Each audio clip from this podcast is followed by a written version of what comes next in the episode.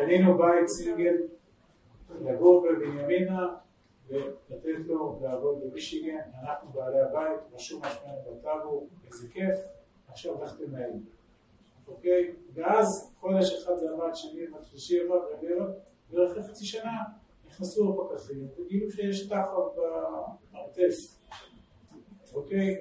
אוקיי, אז שאלתי את החברת למה נכנסו הפקחים? כי זה התקינה שאנחנו זה, אצלי בבית לא נכנסים פקחים, לא אצל בנימינה, לא תיכנס אצלי הבית, בסדר? אבל איפה שקנינו נכס, נכנסים פקחים, אז נכנס פקח, ראה שיש עובש במרתף, אמרנו, אוקיי, מה אכפת לך, זה בית שלי, אמרנו, לא, לא, לפי התקינה המקומית אי אפשר להחזיק דייר עם בית עם עובש, מה לעשות? צריך לתקן את העובש. כמה זה עולה? התשואה של חצי שנה הלכה באותו רגע, אוקיי? אין גבול להפתעות שיקרו לנו כשאנחנו משקיעים, זה לא העולם שלנו. זה לא העולם, אנחנו לא יודעים, אנחנו לא יודעים איפה לקנות בחו"ל, אנחנו לא גרים בחו"ל, אנחנו לא אנשי נדל"ן, הנדל"ן הוא אמצעי עבורנו להרוויח את הזמן. ולכן אנחנו מחפשים את ה outsourcing שיעשה את זה עבורנו. כשאת תצטרכי חלילה ניתוח בברך, את תלכי למנתח ברכיים, את לא תשלחי את בעלך ללמוד רפואה, נכון? אותו דבר, כשאת תצטרכי ייעוץ משפטי, תלכי לחפש את העורך דין הכי טוב בקניין רוחני, ואת לא תלכי ללמוד משפטים. וכשאנחנו רוצים נדל"ן בחו"ל, כי בארץ הוא יקר, או לא מספיק ממנה ועושה את מה שאנחנו רוצים, אז נבין איפה בחו"ל, ועכשיו נחפש עם מי עושים בחו"ל, אותו רעיון. אין פה שום דבר שאנחנו לא עושים. גם כשיש לי סתימה בביוב, אני קורא לאינסטלנטור. אוקיי, לא יודע. קורא לאינסטלנטור. זה התפקיד שלו שזה, צריך להחליף מנורה, אני קורא להחליף מנורה, סתם, זה כבר קצנה. אבל זה כל הסיפור. להחזיק סינגל זה שיטת מצליח. רוצים מודל כמו שלנו, יהיו הרבה סינגלים.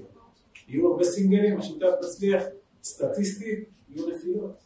כשאתה אומר סינגל, הכוונה ללא חברת ניהול? לא, לא, סינגל זה בית, החלום האמריקאי, בית עם הדשא, והבית, בית, single house, single house, בסדר?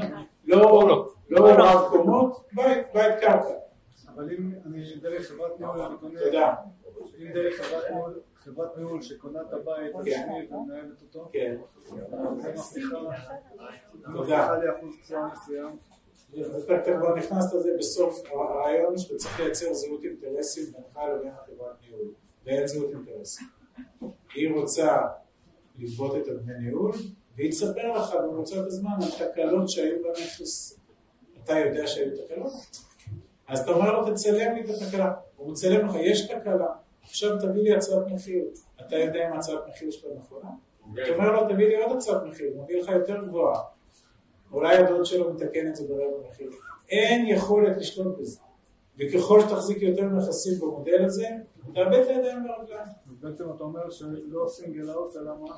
לא, בעצם אני אומר שתשמע את הפודקאסט, איך אנחנו הולכים, השחקני אלפא, ואיתם נכנסים לעסקאות, שהם מנהלים את כל הדבר.